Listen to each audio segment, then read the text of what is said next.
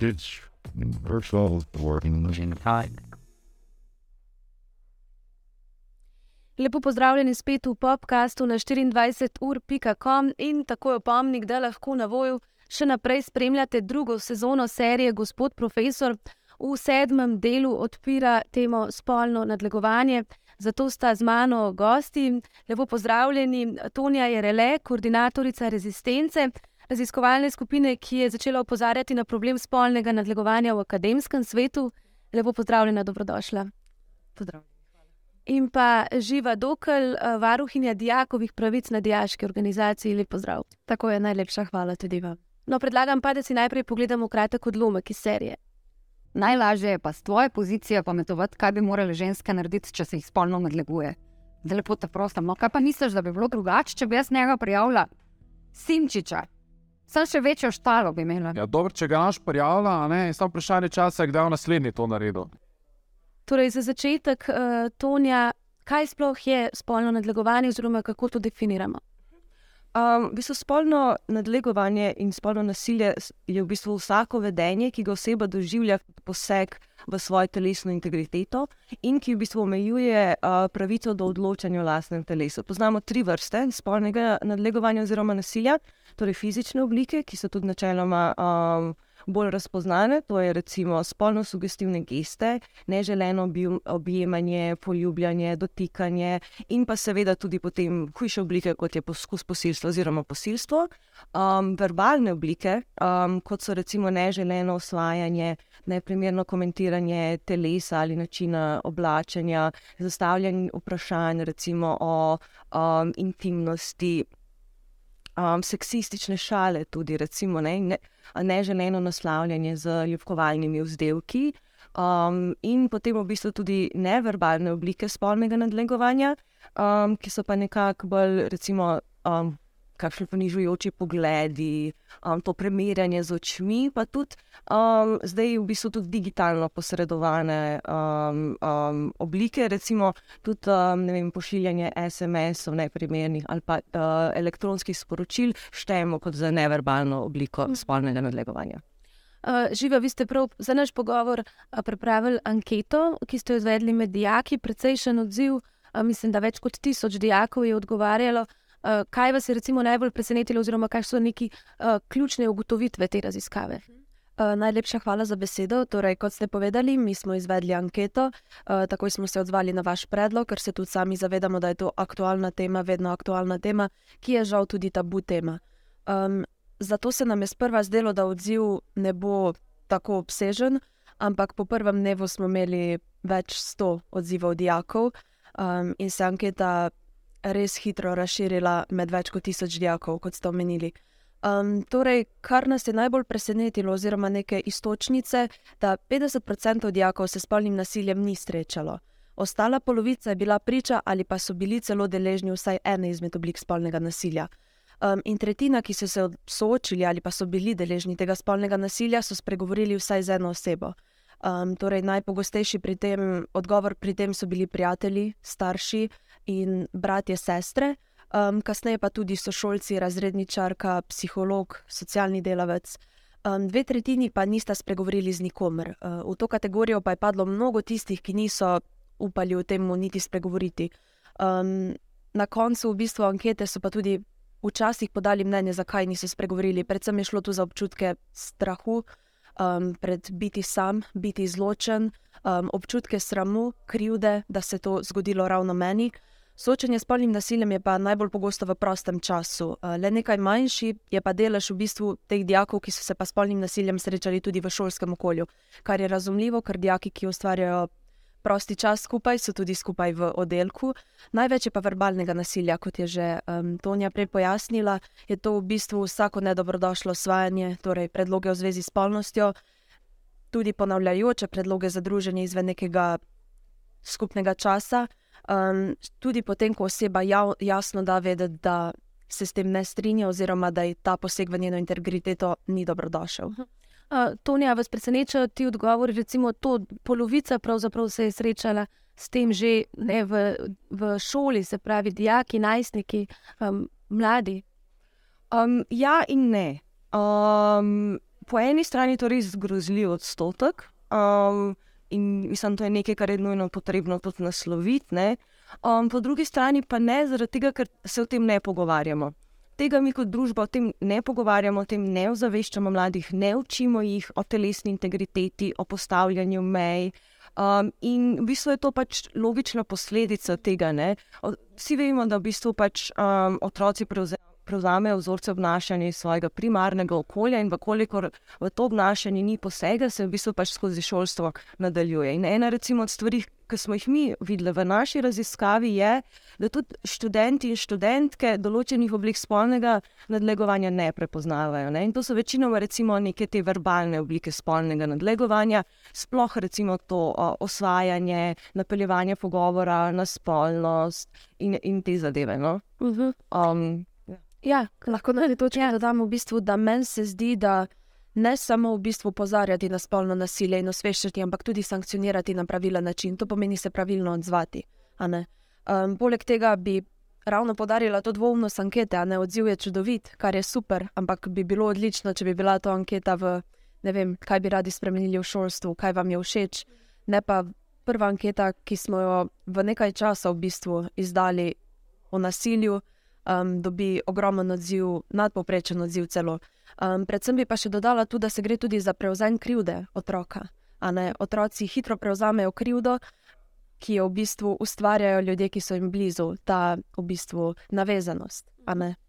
Uh, ja, če se zdaj še vrnemo mogoče nazaj na vašo raziskavo, torej uh, spolnega nadlegovanja v akademskem svetu, kaj je pa pokazala ta raziskava, koliko se recimo teh, ki so odgovarjali, že srečalo z nekim spolnim nadlegovanjem? Ja, um, tukaj je v bistvu zanimiva ena stvar. Ne? Mi smo po eni strani spraševali, torej v bistvu samo prepoznano izkušnjo spolnega nadlegovanja, po drugi strani smo pa tudi potem spraševali po specifičnih um, obnašanjih in dejanjih, vkolikor se je to ljudem zgodilo. Ne? In kar opazimo, je v resnici zelo velika diskrepanca med. Med samo prepoznanjem spolnim nadlegovanjem in pol dejanskim spolnim nadlegovanjem. Ne? Torej, nam kaže vzorec nekaj 10% um, celega vzorca je v bistvu samo prepoznano. Um, ampak potem, ko upoštevamo pa še recimo to, kar so tudi um, uh, ljudje, mislim, študenti in študentke poročali, da se jim je že zgodilo, da se je v bistvu dvignilo nekje na 20%. Uh -huh. Približno. Um, tako da to je bilo recimo ena zelo pomembna ugotovitev. Tudi to, da um, je v bistvu prepoznavanje oziroma razumevanje spolnega nadlegovanja ni tako vezano po področjih, recimo študija, ne, kot bi rekla, da bi bila največja razlika na ravoslovje, družboslovje, v bistvu veliko večja razlika po spolu. Um, pokazalo nam je tudi, da v bistvu se um, študenti in študentke ne um, obračajo na institucije, da jim ne zaupajo um, da nimajo občutka, da je to tam dobro naslovljeno. Čeprav zanimivo, um, ljudje, ki niso doživeli spolnega nadlegovanja, mislijo, da četrtina jih misli, da bi se obrnili na. Recimo na fakulteto, v resnici se jih pa manj kot 2% dejansko obrne na fakulteto, oziroma se je obračala na fakulteto. Ne? Um, tako da to, v bistvu, to nam zelo kaže na to, da enostavno v institucijah nismo ustvarjali klime, niti v družbi, ne širše, ne, um, kjer bi bilo ljudem lagodno o tem govoriti. In to je zaradi tega, ker še vedno v končni instanci večino posledic nosi žrtev. Zaradi tega, ker se nam zdi bolj problematično, da je nekdo o nasilju spregovoril, kot o tem, da se nasilje dogaja. In mislim, da je to tudi zelo povezano s tem, kar se dogaja v srednjih šolah in uh, osnovnih šolah, ker je v bistvu problem v tem, da je nam odraslim neprijetno. Nam je neprijetno govoriti o tem, da se spolno nasilje in spolno nadlegovanje dogaja, da se dogaja našim otrokom in da ga ne izvajajo neki um, čudni strici, ki pridejo iz teme, ampak da so to ljudje, ki jih mi poznamo, da so to veliko krat tudi naši družinski člani. Vi ste tudi v bistvu preverjali, ali se zdi dijakom šola pravzaprav nek varen prostor, kjer lahko zaupajo take težave, ali se dovolj govori o šoli, v šoli o tem, kaj ste recimo tukaj ugotovili približno. Ta odgovor sem v bistvu delila z nekim širšim krogom ljudi in mene je iskreno pozitivno presenetil. 70% dijakov bi se naj počutilo varno v šoli, torej so izredno obkrožili, da le 20 ne. In deset je bilo tistega manevrskega prostora, tiste sivine, ne, včasih delno kar je mene iskreno pozitivno presenetilo. In na tej točki se moramo zavedati, da šola pa konec koncev je za velik procent dijakov varno okolje. To so tiste štiri ure, ko niso soočeni z okoljem doma, sploh naprimer po COVID-u, kjer se je ogromno stvari dogajalo za štirimi stenami, o katerih nihče ne govori. In nazaj vrnitev v šole, vseeno ustvarja neko varno okolje in tudi so tam ljudje, na katere se dijaki, otroci znajo obrniti. Predvsem bi tu izpostavila to dostopnost. Um, se mi zdi zanimiva v bistvu razlika v tej, v tej raziskavi in v naši. Um, da pa vseeno dijaki, naprimer, so pripravljeni spregovoriti z delavci, z delavci, ki so zaposleni na instituciji. Ne torej ta dostopnost. Um, to bi pa predvsem dala, da je posledica tega, da v osnovni, šol, v osnovni in srednji šoli nas še zavijajo v vato, da imamo nek nadzor. Kokorkoli ti prideš na fakulteto, je ta dostopnost do nekih pristojnih vseeno malo težja, bolj oddaljena in tudi nismo toliko v stiku z njimi. Vidite, ste v bistvu obe, uh, vi na fakulteti, vi pa uh, na diaški organizaciji, pravzaprav osebi, na katere naj bi se obrnili uh, tisti, ki so žrtve spolnega nadlegovanja. Kako pogosto se pravzaprav navajajo obe, kdo obrne, za kakšno vrsto spolnega nadlegovanja gre, kako to rešujete, ali se sploh obračajo? Um.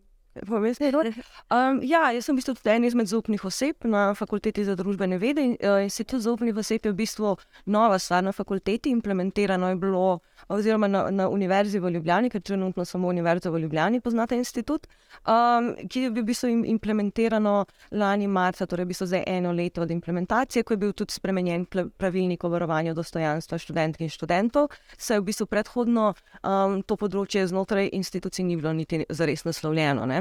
Um, kar mi v bistvu opažamo, je, da um, nismo še ustvarili zares klime, v kateri bi se uh, študenti oziroma študentke zares zaupali. Recimo, imam nekaj primerov, ampak večinoma iz drugih članic. Ne? Zaradi tega, ker um, študenti v bistvu Univerze v Ljubljani se lahko obrnejo na katero koli zaupno osebo, ne samo znotraj lastne članice. Um, in ja, da v bistvu nismo še ustvarili klime, da je prvi problem, ki ga imamo, um, v resnici tudi med zaposlenimi.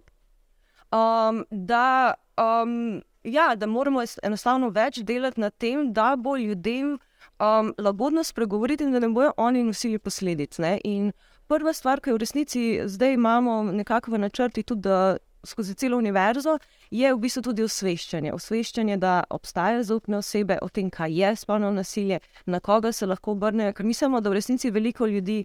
Um, Zares ne veš, um, na koga se obrniti, pa tudi veliko jih še vedno dela to računico, a bojo zares na boljšem s tem, um, ko spregovorijo.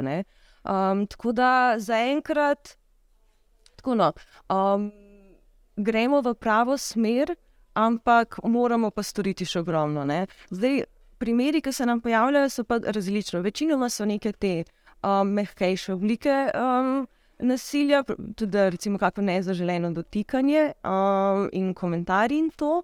Um, opažamo pa tudi, da ima veliko študentov in študentk neke osebne stiske, zaradi katerih se ne vejo, na koga se obrniti in se potem v bistvu obračajo na zopne osebe. Um, pri nas na fakulteti je v resnici postopek tak, da se ti v bistvu obrneš na zaupno osebo. Um, Kateri se lahko ti tudi v bistvu sam zaupaš v lastni izkušnji, Um, potem pa v bistvu je spet odvisno od tega, kaj si oseba, ki ima izkušnjo, želi. Um, prva stvar je v bistvu lahko, da se gre samo do vodstva fakultete, ki za osebo, ki izvaja pač nezaželeno vedenje, pravi um, pogovor. Um, druga možnost je pa v bistvu, da se poda prijava direktno na univerzo, ki je potem v bistvu o primeru presoja komisija. Kako pa je na diaški organizaciji? Um, ja, naš moto je v bistvu dijaki za dijake, um, sicer kot funkcijo varuh in varuha upravljam študentka, ampak um, s tem, ko se nekdo na me obrne v kakršnem koli primeru nasilja, tudi spolnega, sem na mesto njega v bistvu aktivno legitimirana jaz. Torej, um, jaz naprej se odzivam in jaz prevzamem um, del te skrbi. Um, na nas se dijaki večinoma direktno ne um, odzivajo, oziroma se na nas ne zanašajo. Um, gre se pa predvsem za to, da mi zaznamo in se pravilno odzovemo na nek širši problem. Torej, ko mi zaznamo izvajanje nekega spolnega nasilja, se transparentno, hitro in učinkovito na to odzovemo. Um, torej, ne gre ravno za individualne, individualne primere, gre bolj za neko uh, komplek, kompleksno težavo in večji obsir. Uh, mogoče samo, uh, če odpremo še to vprašanje meja, ne, ki so v resnici pogosto zelo zabrisane. Nekdo, recimo v vaši anketi živa, je zabrisal, oziroma najbrž eh, eno dekle. Fantje mislijo, da je ok, če kdaj kaj čudnega rečejo, rečejo je pa pogosto neprijetno. Uh, torej, ali dejansko. Recimo, mladi ne vejo, kje so meje, lahko to rečemo za odrasle, ali smo kot družba preveč tolerantni do tega in upravičujemo neko neprimerno obnašanje. Za obe je to vprašanje. Ja. Mislim, absolutno je ta velikost tolerance prevelika. Um, moramo se zavedati, da tu gre večinoma za neka subtilna in neka stopnjevalna dejanja. Torej se v veliki večini primerov ni to enkrat in ni to enkrat iz velik bum. Tu se gre za neko stopnjevanje, ki ga je treba zaznati. Um, ja, ne, mislim, jaz se strinjam. Pač mi imamo v bistvu absolutno družben problem ne, z spolnim nadlegovanjem in nasiljem. In mislim, da se to veže nazaj na tisto, kar sem pregovorila. Nam je neprijetno se soočati s tem, nam je neprijetno to reflektirati um, in se v bistvu začeti o tem pogovarjati. Zaradi tega, ker pa si moramo priznati, da se to dogaja. Ne? In absolutno, mislim, tudi na univerzi ljudje niso popolnoma senzibilizirani. Mislim, tudi pri nas se v predavalnicah dogaja, kar, če moramo mi v bistvu pravimo neko splošno seksistično obnašanje, recimo neke neprimerne šale in to. Ne? Um, in to se v bistvu pač pol tudi reproducira na ta način, ker v bistvu, če je dovoljeno v neki taki instituciji, ne, potem je dovoljeno. Oziroma, um, to. Bi pa tle želela podariti v bistvu dve zadeve. Ne. Se mi zdi, da ni, ni mislim. Vse to obnašanje je v bistvu vzpostavljanje moči. Ne? Tudi seksistične šale so vzpostavljanje moči v prostoru, torej iz koga se mi lahko hecamo v, jav, v neki javnosti. Ne? Ampak ne bi rekla, da zares ne vemo, kje so meje. Ne? Recimo, mislim, tako, moški se znajo, da drugih moških obnašajo, vejo, kje so njihove fizične meje. Ne? Tako da mislim, da ni v tem problem. Uh, mogoče še glede tega, koliko spregovorijo, recimo sploh v akademskem svetu, uh, pa si študenti recimo, še ustvarjajo priložnosti karierne, ne? veliko krat so najbrž odvisni uh, od tega kroga ljudi, mogoče tudi od profesorjev, ali je to tudi problem, zato tudi zato ne odzivajo uh, žrtve, ker se bojijo enostavno posledic za življenje, za svojo kariero. Absolutno. Um, sploh recimo v neki, mislim, Mislim, da je slovensko področje na splošno gledano, ne, ne recimo samo umetniško, ne, je zelo majhno. Um, vsi, um, recimo strokovnjaki, to so zelo majhne skupnosti in zelo hitro se razvijajo. Dosti krat je oseba, ki spregovori problematično in to nosi v bistvu doživljenjske posledice. Sploh pa dan danes, ko se recimo stvari tudi objavijo na spletu, ko nekaj ne vem, začnejo o tem pisati novinari. In videli smo, kako poročanje imajo novinari o spolnem nasilju. Ne. Sploh lani, recimo s primerom Smodej. Mislim, to je bilo pač absolutno neprimerno. In zakaj se čudimo, da, da ženske ne spregovorijo, ko se jih potem ta, na tak način vlači skozi medije. In to je nekaj, kar te potem spremlja na žalost celo življenje. Tvoje celo življenje je potem v bistvu na internetu. Za vekom je povezano z osebo, ki, ki je v bistvu nad tabo izvajala nasilje. In logično je, da recimo v taki klimi um, enostavno ljudje pretehtajo, da se jim to ne splača kakšnem smislu, recimo v tem konkretnem primeru, se vam zdi, da je bilo mogoče neprimerno ali ablicirano? Primer smo, da ja, ja. Sem, kaj je tisto, kar je bilo. Joj, um, če začnemo recimo vem, pri naši nacionalni televiziji, ne, recimo na RTV-ju. Um, od tega, da so bile recimo arena pri, pri Pirkoviču, ne, sem to bilo absolutno neprimerno. Oni so se tam odločili politizirati um, spolno nadlegovanje na leve in desne, kar je v bistvu absurdno, zaradi tega, ker in levi in desni izvajajo spolno nasilje, ne? tukaj ni razlik. Um, mogoče se formule menjajo, ampak ni razlik. Um, in v bistvu mislim, v studio povabili samo moške, ki so potem govorili o teh bogih, ubogih, nevdolžnih uh, deklicah in v bistvu s tem čisto vzeli njihov lasten agency. Ne? Um, in uh, tako da, recimo, to je bila prva instanca. Drugo je bilo v bistvu par dni zatem v Tarči, kjer so dali prvih 15 minut um, v najbolj gledanem terminu, v bistvu storilcu, da je govoril o tem, kako ni kriv. Ne? In s tem v bistvu nekako pridobil na svojo stran druge osebe, ker logično mi hočemo sočustvovati z nekom, ki v bistvu nam se prikazuje, kot da se je njemu godila krivica. Um, tako da to, recimo, že samo te dve instance sta bili popolnoma nedopustni. Mislim, da ti v bistvu javno daš vedeti, da je glas storilca pomembnejši od tega, kar imajo zapovedati žrtve. Ne? Da pa pol niti ne gremo recimo, v to, na kak način so se določeni strankarski mediji obnašali in v bistvu začeli vsako um, žensko, ki bi lahko bila tudi ena izmed oseb, ki je doživljala nasilje strani Svodeja, kako so v bistvu se odločili spraviti na njeno celo življenje, na njene vse odločitve, kot da je to. Kaj je počela v življenju, kako je počela v življenju, kam zahaja, um, za res pomembno, ko govorimo o tem, da je doživela nasilje. Ni Zaradi tega, ker prostori bi morali biti varni, ampak mi na koncu tega pridemo, da je najbolj nevaren kraj za ženske njen dom, ampak da tudi nobena druga institucija ni zares varna. V redu, zdaj se eh, te, te upleteni pač eh, ne morejo povedati svojih argumentov, zakaj so se tako odločili in na ta način poročali. Um, ampak ja, je dobro vedeti, kako postopati v teh primerih. Uh, živa, mogoče še lani ste bili še dijakinja. Kako ste pa vi čisto osebno, če pustimo to anketo, doživljali? Uh, ali, je, ali ste tudi vi nekako čutili, da grejo stvari v tem smislu, kdaj predaleč? Ste bili priča spolnemu nadlegovanju, kdaj? Absolutno. Um, predvsem temu prikritemu in subtilnemu se mi zdi, da marsikdo, če bi pomislil, pa se spomnil tudi mogoče kakšne sošolke, ki je bila neka kritika izgovorjena, to je spolno nasilje. Um, podala bi tu predvsem, da se začne v bistvu to neko etikiranje um, že v srednji šoli, že prej v osnovni šoli. In žrtve tudi že v srednji šoli zaradi tega ne spregovorijo, ker takoj se začne šušljanje, takoj se začne ona je pa povedala, ona je pa dala glas. Ampak navadno so te nalepke ne pripeljejo daleč. Ne? Predvsem se gre tu za neko igro avtoritet. Oni so više, ne poslušajo me. Pa tu se ne gre samo za poslušanje, tu se gre za slišanje. Žrtev se lahko počuti poslušano, ampak če je slišana, to je glavno vprašanje. Um, tu bi pa še dodala, da v bistvu bullying, kakršno koli nasilje, je karkoli se izvaja in je smešno enemu ali več ljudem in prizadene lahko le eno osebo. Vse to je bullying. Neprimerne besede, izjave, pogledi. Um, kakršno koli fizično nasilje, od odrivanja, porivanja, česar koli, vse to je treba sankcionirati na pravilen način. Se mi pa zdi tudi tu primerno v bistvu omeniti to, um, da bi jaz predvsem rada začela spodbujati ljudi, ki so zaposleni v teh institucijah. Žal so tudi oni deležni tega, oni to tudi vidijo na lastne oči. Če ne vidijo, slišijo.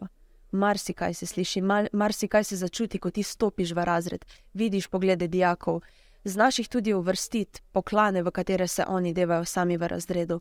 In je primerno tudi izobraževati te ljudi na primeren način, ne samo da znajo to opaziti, ampak da znajo pravilno odreagirati, da znajo ustvariti mm. primerno okolje in ne primerno okolje za vse dijake, ampak da za vsakega specifičnega dijaka vedo, kaj za njega predstavlja varno okolje. Kar je žal, ker konec koncev tudi vzgoja je v teh institucijah, ne samo izobraževanje in odgovornost, ki jo nosijo zaposleni, je ogromna. In tu bi povdarila tudi mogoče, da se tega ne zavedamo kot družba, kakšna odgovornost je tudi na ljudeh, ki so zaposleni. Od profesorjev do učiteljev, do vseh. Na njih je ogromen pritisk, ampak se mi zdi, da s primernim izobraževanjem, s primernim pojasnjevanjem strokovnjakov z tega področja se da narediti marsikaj. Tudi dijaki so pripravljeni spregovoriti rezultate ankete, da je bilo na koncu čez 300 odgovorov dijakov, ki so se odzvali, povedali lastno izkušnjo.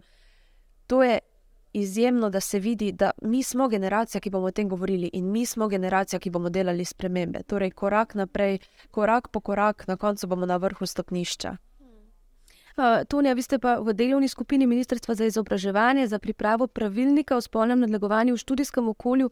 Uh, kaj pravzaprav je cilj uh, priprave tega pravilnika, kako daleč je? Um, ja, tako je. V bistvu nismo se še sestali, no, skupina se še ni prvič sestala, da smo bili v bistvu imenovani v njo.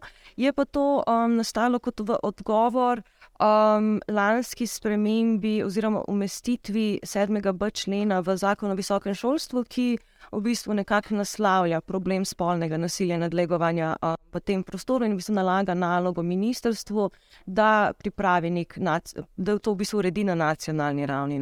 Um, mi se v bistvu iz tega prizadejamo da, um, v bistvu, da bi se nekako podo podobni ukrepi, kot so bili implementirani na Univerzi v Ljubljani, razširili tudi na vse druge uh, prostore, in da, v bistvu bi to, da bi v bistvu to pač res uh, s tem probalo vplivati na kulturo, ki obstaja v akademskih institucijah.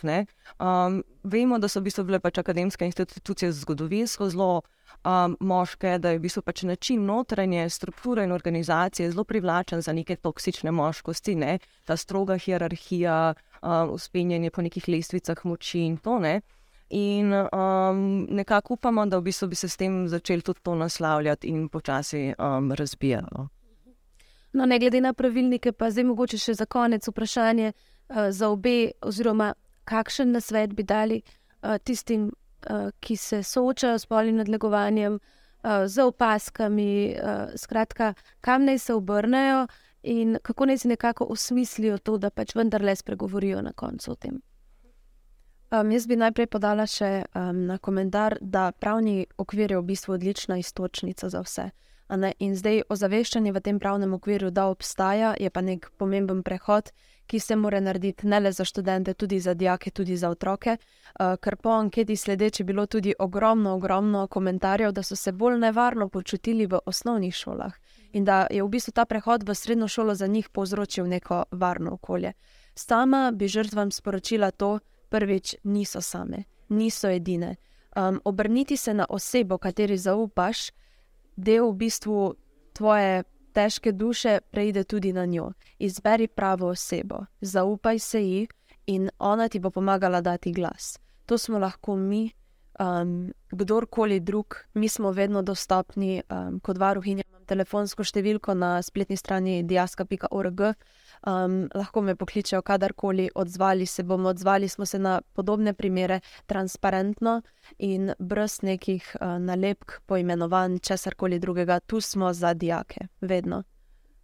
Uh, ja, zelo lepo si tam. um, ja, jaz bi tukaj dodala, v bistvu, da v akademskem prostoru se definitivno lahko vsi študenti ali študentke, tudi zaposleni, obrnejo na zaupne osebe. Um, tukaj so tudi, če nimate recimo koga v svojem okolju, ki bi mu lahko zaupali, vedno so tukaj tudi nevladne organizacije, ki nudijo tudi um, um, psihosocialno pomoč in svetovanje, uh, in tudi pravno pomoč, vkolikor bi se odločili recimo um, storilca pre preganjati. Bi pa jaz tukaj v bistvu bolj apelirala na, na vse odla, odrasle, na, na, v bistvu na osebe, ki so na položajih odgovornosti, da je v bistvu zdaj skrajni čas, da se začnemo pogovarjati o implementaciji razširjene spolne vzgoje v šole. Da, videli smo, da to si želijo osnovnošolci, tega si želijo dijaki, in edini razlog, zakaj tega nimamo, je, ker je nam odraslim neprijetno. Zaradi tega, ker se nam zdi, da če o tem ne bomo govorili, se pač to, dija, se to mladim ne bo dogajalo. Ampak to ni res moramo si nekaj zatiskati oči in um, v bistvu sami sebe pogledati v ogledalo in si pač priznati, da se te stvari dogajajo in da je za vse nas boljše, um, da jih naslavljamo in se o njih pogovarjamo, kot da v bistvu prisilimo um, mlade in jih s tem zavijamo v molk, ki bo trajal po možnosti do konca življenja. Prido, hvala obema za pogovor. Pa upam, da smo koga spodbudili, da se vendarle, da spregovori Najlepša hvala tudi vam. Se mi zdi, da govorim v imenu obeh dveh, da se nam zdi čudovito, sploh ker obe dve delujemo na tem področju varovanja um, človekovih pravic konec dneva. Ja. Hvala za vabilo, pa hvala, ker odpirate te teme. No, in še vaju povabim, ko gledam serijo, gospod profesor. Najlepša hvala. Ja. Push it up and then